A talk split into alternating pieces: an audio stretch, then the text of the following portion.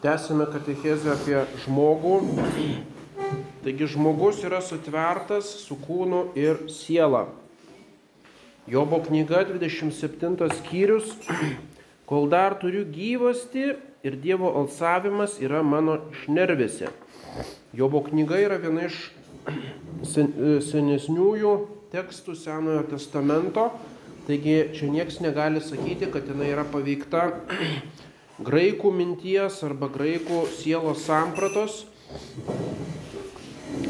E, turiu gyvasti, nišmati hebrajiškai iš hešama, reiškia turiu sielą ir Dievo alsavimas, veruach, eloach, mano šnervėse. Ruach yra dvasia, Dievo alsavimas, Dievo dvasia yra mano šnervėse.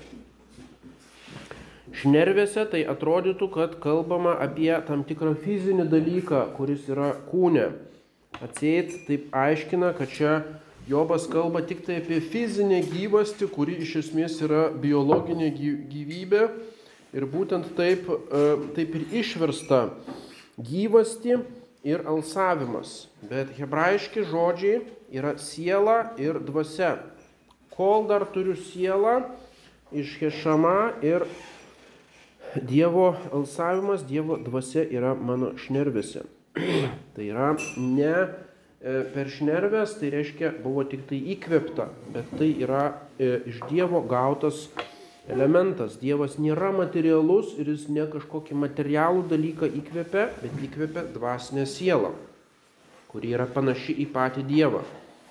139 psalmė.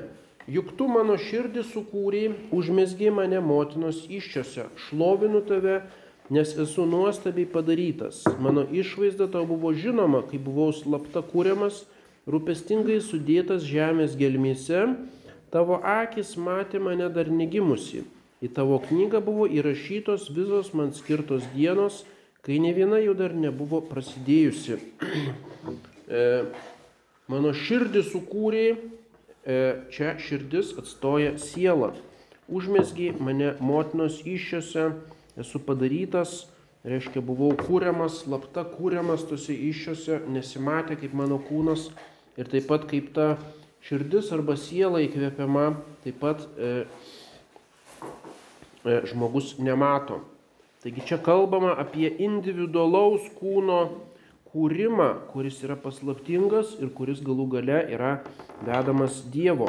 Reiškia sutvėrimas ir kūnų, ir siela yra iš Dievo. Žmogaus siela yra substancija, žmogaus siela yra ne e, tam tikra psichinių aktų suma. Tai vadinama aktualizmo teorija, kuri šiandien praktiškai vyrauja. Reiškia, jeigu sakoma, kad yra tas žodis siela, tai jisai žymi tik tai tokią kaip optinę iliuziją arba tokį apibendrinimą, kuris savyje iš esmės apima tik tai atskirus aktus.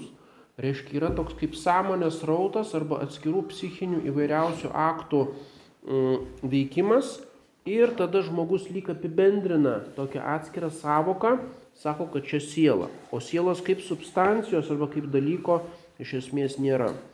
Šita aktualizmo teorija yra praktiškai kaip dogma šiandieninėme moksle. Ir aišku, jinai visiškai nesuderinama su klasikinė filosofija, tiek antikinė, tiek krikščioniška. Grigalius Nisietis sako, tai yra dvasinė substancija, nes ji yra dvasinė substancijos atvaizdas. Kodėl siela yra substancija? Todėl, kad Dievas yra e, būtis, tai nėra kažkokie tai aktai ar kažkokios jėgos ar energijos, bet Dievas yra asmuo, tai yra dvasinė substancija ir tos dvasinės substancijos atvaizdas taip pat yra ir sielos substancija. Tai nėra vien tik tai e, atskiros tam tikros savybės ar kažkokie tai nerviniai judesiai ar kažkokie juntamės psichinės būsenos ar valios ir proto aktai, reiškia minčių srautas ir valios aktų srautas, bet tai yra substancija, yra tai kažkas tai e, fundamentalaus. Šventasis Augustinas pateikė net sielos definiciją. Substancija, quedam racionis particeps regendo corpore accomodata. tam tikra racionali substancija valdanti, pritaikyta kūno valdymui. Reiškia, taip susijęta su kūnu ir su juo e, sumėgsta, kad būtent e, galėtų jį valdyti proto pagalba, racijo proto pagalba. Ir tai yra kaip esminis klasikinės filosofijos principas, kad bet kokie aktai yra, turi kilti iš būties. Reiškia, pirmiausia, turi būti esantis stabilus dalykas ir tada tas dalykas gali veikti. Negali būti aktų kaip tokių. Reiškia, a, į visą laiką kažkas tai veikia, tą aktą daro, aktualizuoja. Negali būti, kad pats aktas, reiškia, kaip ore sklando. Panašiai kaip e, spalva. Negali būti pačios spalvos raudonumas arba baltumas, kuris tiesiog ore sklando kaip baltumas. Kažkoks daiktas gali būti baltas, o baltumas yra tik tai savybė daikto arba akcidencija. Ir panašiai ir aktai arba veiksmai yra tik akcidencija, tai kas išplaukia iš jau esančio dalyko. Ir todėl aktualizmas tai iš esmės susiveda galų gale į materializmą. Nes jeigu ma, sakoma, kad e, reiškia sąmonė arba siela, tai yra tokia minčių, valios aktų, jausmų, emocijų, instinktų toksai srautas. Tai iš kur tie visi aktai? Juos kažkas turi daryti tą aktą, jis negali pats iš savęs, reiškia, būti tas aktas. Tai galų gale aktualizmas susiveda į materializmą, kad tai yra smegenų kaip substancijos, smegenų, reiškia, masės, neuronų kažkokie tai tik tai produktai. Ir tai visiškai nesuderinama su sielos kaip dvasinės substancijos esme. Siela yra dvasia, tai yra dvasinė e, būtis, o ne materiali būtis sudaryta iš kažkokių cheminių elementų ar iš atskirų dalių.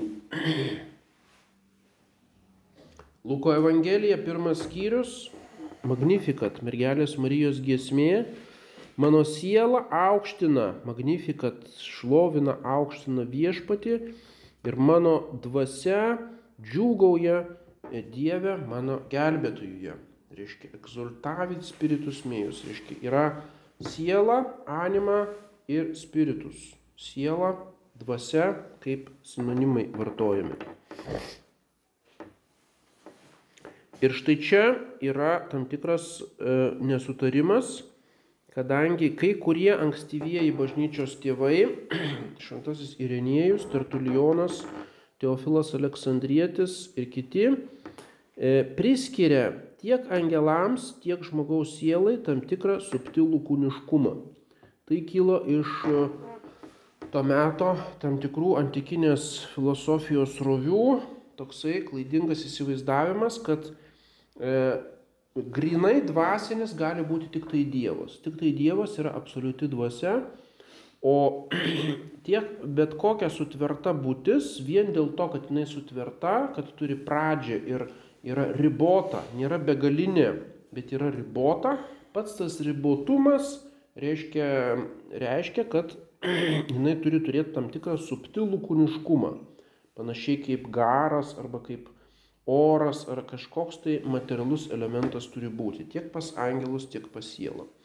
Ir aišku, tai yra filosofiškai klaidinga ir nesuderinama būtent su visa sistema krikščioniško mokymo ir todėl jau šventasis Augustinas ir vėlesni dauguma vėlesnių tėvų griežtai atmeta šitą e, kūniškumo, sielos kūniškumo tam tikrą teoriją.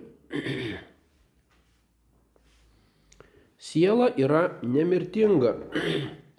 Ir štai senosiose Senojo testamento knygose šitas mokymas yra šiek tiek miglotas. Pradžios knyga 47 skyrius. Jokūbas atsakė faraonui, čia kai buvo žydai Egipte. E, Žemėje mano gyvenimas ateiviu turi 130 metų. Nedaug skaičiumi, bet nelaimingi buvo tie mano gyvenimo metai, jie neprilyksta mano protėvių gyvenimo žemėje ateiviais metų trukmiai. Žemėje mano gyvenimas ateiviu turi 130 metų.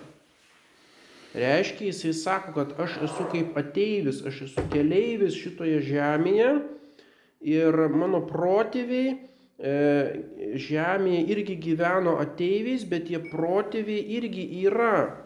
Reiškia, yra tam tikra tėvynė, kur aš nebesu keliautojas, bet esu pas save namuose ir jinai yra anapus mirties. Taigi šitie žodžiai ne, neišreiškia dar pilnai sielos nemirtingumo arba pomirtinio gyvenimo, bet jau tam tikrų būdų nurodo, kad žmogus, jau tasai Jokūbas jaučiasi, kad jis yra tik tai pakeleivis, jis yra ateivis šitoje žemėje. Reiškia, nors ir 130 metų gyventų, žiliausios, reiškia, senov, senatvės sulauktų, vis tiek jisai yra e, numirs ir tie jo gyvenimo metai, nedaug jų yra skaičiumi. Pradžios knyga 25 skyrius. Atsikvėpi paskutinį kartą, mirdamas laimingoje senatvėje, sulaukęs ilgo amžiaus ir buvo suvienytas su savo giminė. Buvo suvienytas su savo giminė. Tai reiškia ne suvienytas kažkokioje tai tautos ar genties atmintyje, arba suvienytas kažkaip simboliškai, bet iš tikrųjų suvienytas reiškia ta jo giminėje, jo visi protėviai kažkur tai yra. Yra kažkur tai tam tikras regionas, kur E, tie jo protėviai yra ir pas, pas juos jisai sugrįžo. Ir štai vėliau, e, jau vėlesnėse knygose jau atsiranda tasai terminas šiolas. Šiolas, kur e, e, reiškia yra tokia pomirtinė vieta, nediferencijuota morališkai, dar nesuskirstyta į pragarą ir dangų, bet būtent tikima, kad tenais tos vėlės yra. Taip pat buvo vadinamos nekromantijos draudimas, tai yra vėlių iššaukimas e, tam tikriems burtams arba ateities spėjimui ir taip toliau. E, reiškia, nuo pat tų seniausių laikų vis dėlto Sename testamente buvo tikėjimas pomirtiniu gyvenimu, o tai reiškia, kad tikėjimas ir sielos nemirtingumu. Tačiau žinoma, būtent tas nėra išreikšta visiškai aiškiai kaip tam tikra sisteminga teorija. Skaičių knyga 23 skyrius. E, Moriatur anima mea morte justorum. E, reiškia, mano siela numirs teisiųjų mirtimi. Toks kaip argumentas prieš tikėjimą sielos nemirtingumu. Aha, žiūrėkit, skaičių knyga sako, kad siela irgi numirs teisiųjų mirtimi. Bet čia yra panaudota tik tai literatūrinė priemonė, vadinama sinekdocha, kur e, siela reiškia, kur e, dalinis dalykas reiškia visuminį. E, tokia kaip literatūrinė priemonė, dalinių dalykų išreikšti visumą, tai reiškia siela, reiškia tą sielą turinti asmenį. Morijatų ranimamėje numirs mano siela, reiškia numirsiu aš. E, tokiu būdu išaiškina tos vietos aiškintojai, kad čia neteigiamas yra sielos mirtingumas, o tiesiog panaudota tokia literatūrinė priemonė. Vėlesnėse knygose, antroje Makabėjų knygoje, 12 skyrius, išminties knygoje, Koheleto knygoje jau yra visiškai aiškus tikėjimas sielos nemirtingumu. Taigi e, tas laikotarpis, kuris jau yra, mm, galima sakyti, graikų įtakoje ir graikų, graikų valdžioje, jau jisai visiškai aiškiai tais laikais žydai tikėjo į sielos nemirtingumą. E, Naujame testamente yra visiškai akivaizdus e, sielos nemirtingumas. Tik tai vienas stacionas iš senųjų e, krikščionių rašytojų atrodo, kad jisai neigė sielos, e, teigė sielos mirtingumą. Mm, buvo kai kurios kitos erezijos, bet e, visiškai aiškus tiek Naujajame testamente, tiek pas bažnyčios tėvus mokymas apie sielos e, nemirtingumą. Toliau, sielos yra individualios kiekviename žmoguje. Reiškia, yra vienas žmogus individas, viena siela. Ir šitas nebuvo aišku, mums tas kažkaip savaime aišku yra, bet daugelį amžių dėl to vyko ginčiai Todėl, kad Aristotelis pasakė, individuacijos principas yra materija. Ką tai reiškia? Kad individuacijos, tai kas daro dalykus individualiais, juos išskiria, tai yra jų materialus tam tikras aspektas. Ir tada kaip, jeigu sielos yra visiškai, e, reiškia, dvasinės, tai nėra tos materijos, tada nėra ir individualių sielų. Ir todėl e, tas radikalus aristotelizmas, kuris yra nesuderinamas su krikščioniško prieiškimu, e, jis virto to vadinamu averoizmu. Buvo toksai averojus, reiškia arabų e, filosofas, kuris tiesiog kaip dogma ėmė viską, kas, ką Aristotelis pasakė, viskas yra šventa ir absoliuti išmintis ir jokių korektūrų negali būti. Ir šito Averojaus raštai, kurie labai išmintingai parašyti ir labai logiškai, e, jie paplito Europoje ir atsirado ištisa Averoizmo mokykla. Daug filosofų, reiškia krikščioniškose universitetuose, ėmė šitos averoistinius raštus. Ir averoistai sako, kad yra tik tai viena siela. Reiškia, visa žmonija turi vieną tokią sielą ir tik tai tasai kūnas yra kaip toks prisijungimas prie debesies kompiuterio, reiškia, ir tada tu gauni tam tikrą dalį toje sieloje ir, reiškia, jos gyvenime dalyvauji. E, šita teorija dabar, aišku, vėl iš naujo aktualizuojama, e, kad ateityje, reiškia, bus sukurta bendra žmonijos sąmonė. Reiškia, per tą vadinamą smegenų kompiuterio jungtį, reiškia, pavyks žmogaus nervinę e, smegenų veiklą prijungti prie kompiuterio. O visi kompiuteriai jau seniai yra sujungti į vieną globalinį tinklą. Tai iš esmės veikia kaip vienas didelis superkompiuteris apimantis visą pasaulį. Ir jame informacija tiesiog migruoja ir keliauja iš vienos vietos į kitą. Tai reiškia tik tai techninė problema, kad atskirų žmonių smegenys prie to prijungt ir tada žmonių smegenys irgi bus to globalinio tinklo dalis, bus tokia kaip globalinė sąmonė, kurioje tu kažkiek prie jos prisidėsi ir dalyvausi jos bendrame tokiame mintyjime, ar kaip ten suprasti. E, reiškia,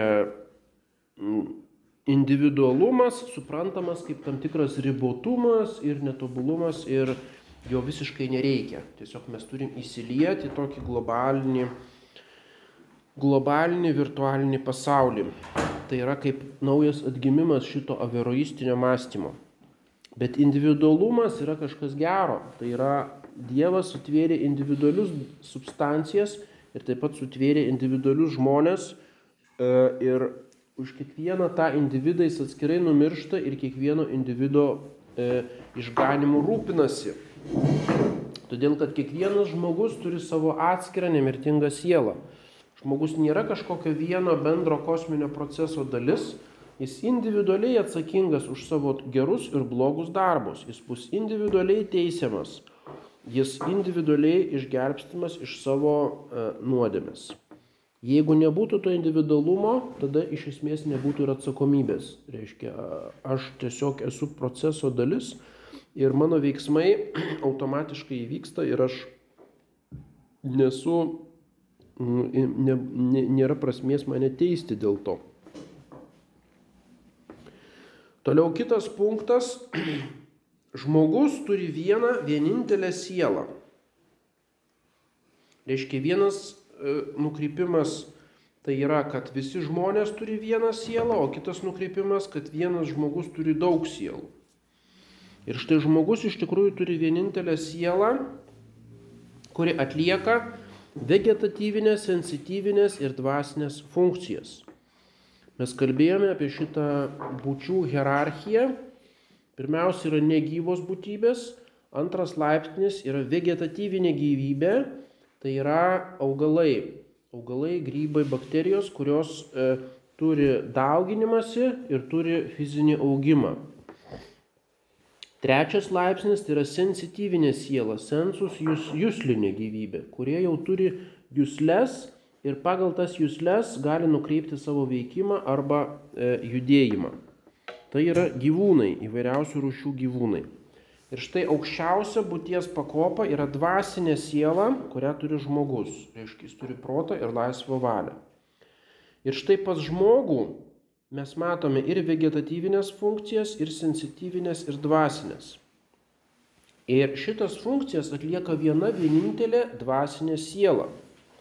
Tai reiškia, mes turime Dievo įkvėptą nemirtingą dvasinę sielą ir ta pati siela yra atsakinga už mūsų proto ir valios veiksmus, ta pati siela yra atsakinga už mūsų jūslės, kad mes matome, užuodžiame, jaučiame ir jinai atsakinga už širdies plakimą, kraujotaką, kvepavimą, visos tos vegetatyvinės funkcijos taip pat ląstelių augimas, kūno augimas, kūno, reiškia, iki pat ląstelių lygmens, reiškia, taip pat genetinio lygmens, visa tai, kas sudaro žmogaus gyvybę, visa tai daro viena vienintelė siela. Tai yra taip pat dogmatizuota kaip tikėjimo dogma prieš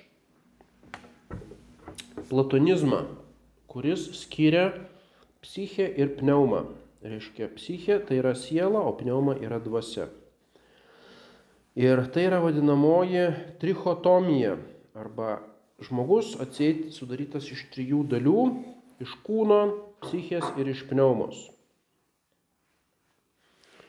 E, ir šitą trichotomiją arba skaidimą sielos į kelias dalis e, kai kurie paremia kai kuriomis švento rašto naujojo testamento vietomis. Ir čia taip staigiai mes neišaiškinsime, tai yra e, ilgesnė tema aiškintis, ar iš tikrųjų, tarkime, paštalas Paulius moko skirtingų sielų žmoguje.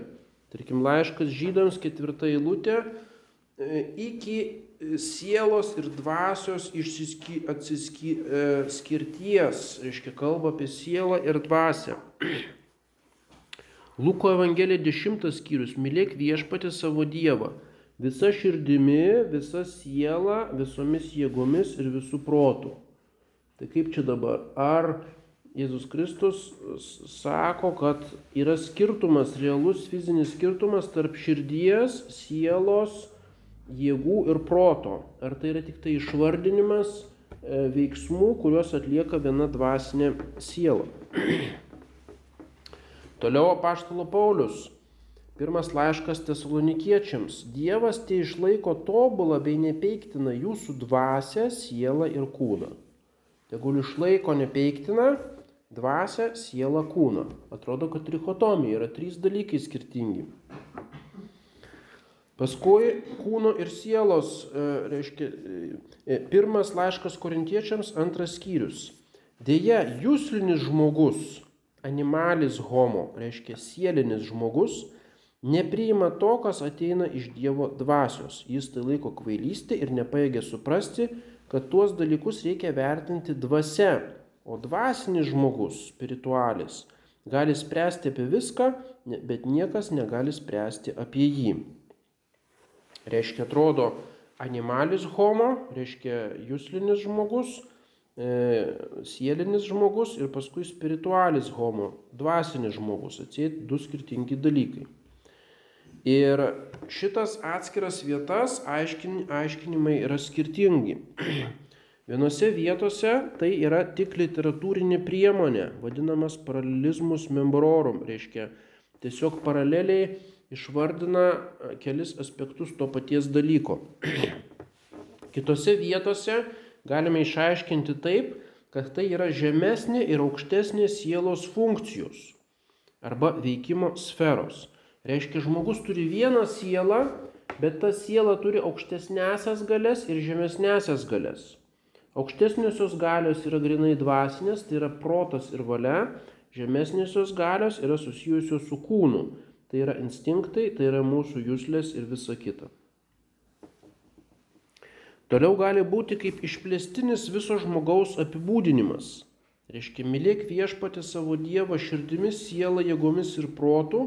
Tiesiog visi tie žodžiai reiškia vieną žmogų, vieną žmogaus veikimą. Kad visas žmogus savo visumoje su visų veikimu turi mylėti Dievą bet tai nėra išvardinimas kaip atskirų realijų, kurios e, fiziškai egzistuoja.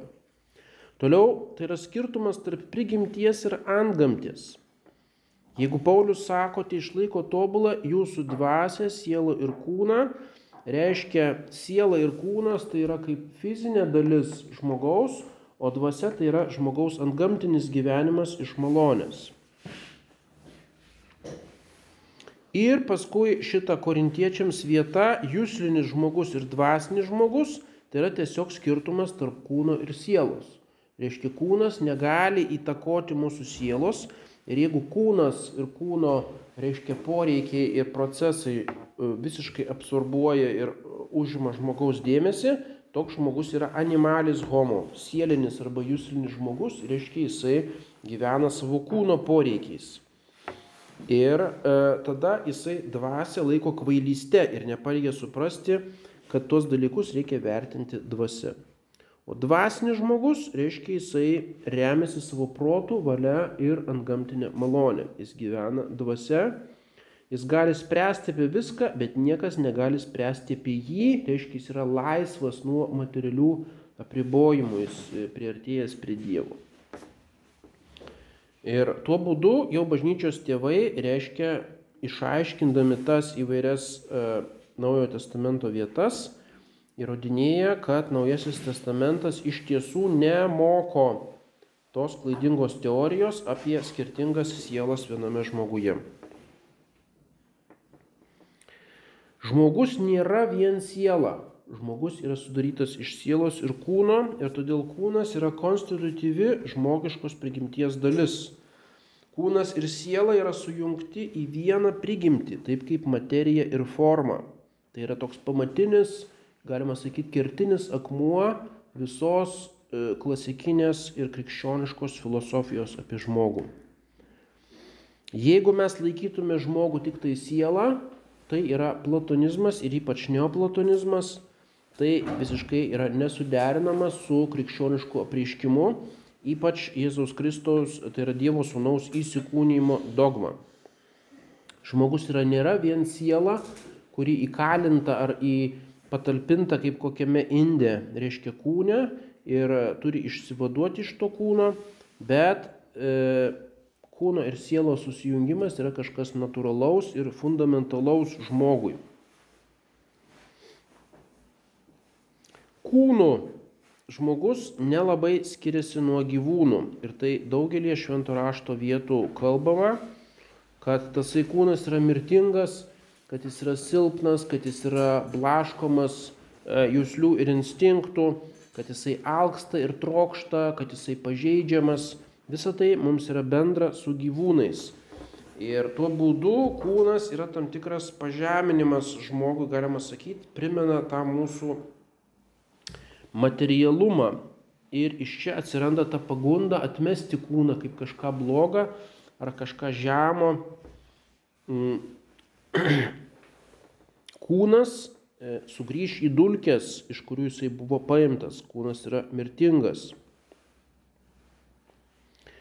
Ir štai tą tikrą žmogaus kilnumą sudaro būtent e, siela kuo žmogus panašus į Dievą, kodėl žmogus yra Dievo paveikslas ir atvaizdas, ne savo kūnu ir taip pat ne savo kūno ir sielos e, jungtimi, kadangi Dieve nėra tokios jungties, bet tik tai savo sielą. Reiškia, vis dėlto siela yra aukštesnė už kūną, nes tasai esminis toksai elementas žmoguje, kuris jį išaukština ir kuris daro jį Dievo paveikslu, būtent yra tik tai sieloje. Tai yra žmogaus e, protas ir laisva valia. Tačiau Dievo valia žmogus sukurtas kaip tokia kompozicinė būtybė, būtent sudaryta iš tų dviejų dalių. Ir jeigu mes atmesime šitą kompoziciškumą, tai mes iš esmės atmesime pačią žmogaus prigimtį, mes atmesime Dievo valią, kokia yra žmogui. Taigi tasai kūniškumas, kurį mes atpažįstame tiek daugelį dalykų panašų į gyvūnus, mums atrodo kaip toks šiek tiek papiktinimas ir kaip pažeminimas. Mm, bet jeigu mes matytume tą e, kūniškumą e, ne kaip konfliktuojantį su dvasia, o kaip jam visiškai pavaldų, tai tada taip netrodytų. Tasai konfliktas atsiranda dėl nuodėmės. Ta nuodėmė iš esmės greuna harmoniją tarp kūno ir sielos ir todėl nuo sielos e, įgavęs autonomiją, reiškia kūnas, jisai tampa tokiu maištingu, chaotišku, materialiu, jūsliniu ir tuo, kas, reiškia, pažemina. Tai reiškia, blogumas slypi ne pačiame kūne ir pačioje materijoje, bet slypi tame konflikte, kuris yra įvestas nuodėmės. Jeigu šito konflikto nebūtų, kūnas būtų tobulas, jis būtų tobulais pavaldus dvasiai ir tada jame nebūtų jokio bjaurumo, jokio chaotiškumo, jūsliškumo ir šitų dalykų. Atskiros sielos yra sutveriamos Dievo iš nieko žmogaus pradėjimo momentų. Tai yra nepaskelbta dar kaip tikėjimo dogma, bet vadinasi fidei proximum, reiškia e, praktiškai tolygų dogmai. Prieš e, įvairias teorijas, viena iš tų teorijų yra vadinama tradic, traducionizmas, kuris sako, kad tradicijo reiškia perdavimas, kad siela tėvai perduoda vaikams, o paskui tie vaikai užauga ir vėl savo sielą perduoda savo vaikams. Tai iš esmės tai reikštų, kad e, žmogaus siela taip pat gali daugintis kaip ir žmogaus kūnas. Reiškia, iš sielos tada kažkokiu tai būdu emanuotų arba atsiskirtų nauja siela. Bet tai yra filosofiškai praktiškai neįmanoma. Tai reikštų sielos dalinimąsi arba sielos tam tikrą sukomponavimą iš elementų, kada vienas elementas pasilieka, o kitas atsiskiria ir tampa nauja siela. Reiškia, filosofiškai tai yra absoliučiai neįmanomas tas tradicionizmas.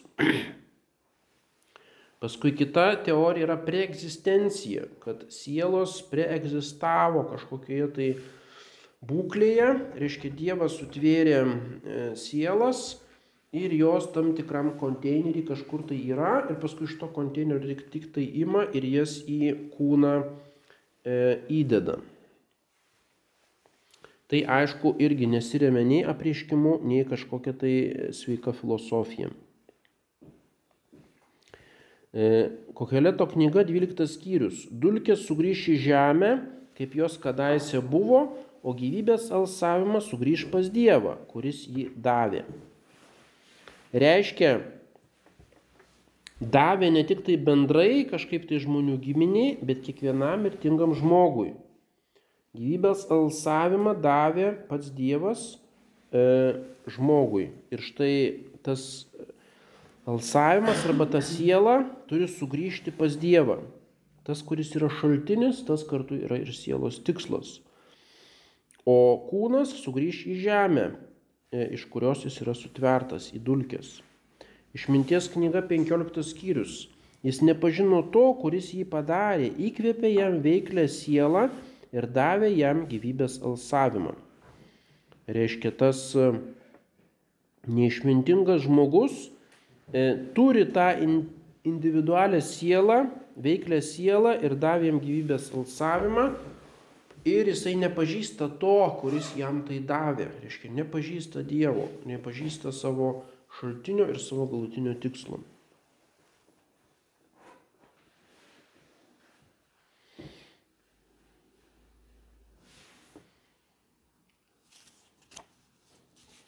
Laiškas žydams 12 skyrius skiria kaip atskirus aspektus e, patres karnis nostre reiškia mūsų kūno tėvai ir pater spiritum. Dievas kaip dvasių tėvas. Reiškia, e, mūsų kūniški tėvai duoda tik tai kūną, o dvasių tikrasis tėvas yra būtent Dievas. Jisai sutveria kiekvieną dvasę atskirai ir ją patalpina kūne. Bet būtent tas sutvėrimo momentas įvyksta, kada užsimesga nauja, genetiškai nauja žmogaus gyvybė. O tos gyvybės pradėjimas yra žmogaus arba tėvų laisvos valios aktas. Tai reiškia, galime įsivaizduoti, kokią kosminę atsakomybę turi tėvai nuo jų valios sprendimo priklauso, kada bus sudarytos sąlygos naujos dvasinės sielos sutvėrimui, tam, toje naujoje gyvybėje. Reiškia žmonės tiesiogiai įtraukti, galima sakyti, Dievo tveriamą darbą. Tai yra milžiniška atsakomybė ir tiesioginė teologinė prasmė. Reiškia gyvybės pradėjimas ir užmėsgymas ir gimimas yra kažkas švento, tai yra sakrali sfera, tai nėra vien biologiniai procesai. Kaip sakoma, kodėl žmogus gali dirbtinėmis priemonėmis reguliuoti savo mytybą, savo kažkokius kitus procesus, čiagi yra grina fiziologija. Ar tu valgai su šaukštu, ar tu valgai per vamsdelį, ar tau į kraują. Svarbu, kad biologinės medžiagos patektų į tavo kūną, o visa kita tik technika, visa kita, nu, grinai žmogaus e, išradingumui palikti dalykai. Tai kodėl tada mes negalim lygiai taip, e reiškia, reguliuoti savo reprodukcijos arba savo dauginimuose. Tai irgi, reiškia, kad tam tikras fiziologinis procesas, kad nauja, naujas gyvy, nauja gyvybė atsirastų. Nu tai tada galim imtis, reiškia, dirbtinio baisinimo, galim imtis um, kontracepcijos, galim imtis visokiausių kitų reguliavimo priemonių ir in vitro, reiškia, kad uh, mėgintuvėlyje galime užmėgsti tą gyvybę. Čia viskas tik tai technika, medicininė, biologinė, genetinė technika. Bet taip nėra. Tai yra kažkas tai švento, tai yra sakralus dalykas, nes jis yra susijęs su Dievo tveriamuoju aktu kiekvienu atveju. Ir todėl visos tautos jau instinktyviai savo papročiuose dauginimosi šitą e, e, aktus, juos ypatingą pagarbą tam tikrais ritualais, tam tikrais tabu, draudimais apribodavo. Niekada tai nebuvo toks natūralus E, dalykas, kaip nueiti džiunglėse bananą nusiskinti, net pačios laukinės gentis. Jeigu tu nusiskini pavalgai, tai yra tavo asmenis dalykas, bet jeigu tu nori vesti ką nors arba ištekėti, tai jau yra visos genties, apėgos, kreipiamas į dievus ir taip toliau. Reiškia, jau net laukiniai šitą suprasdavo. Ir ką jau kalbėti apie krikščionišką civilizaciją, kur tai yra sakramentas, kur tai yra ypatingo šventumo dalykas, Ir dabar, reiškia, tai yra kaip nauja barbarybė. Visą tai bandymas suvesti vieni techninius dalykus.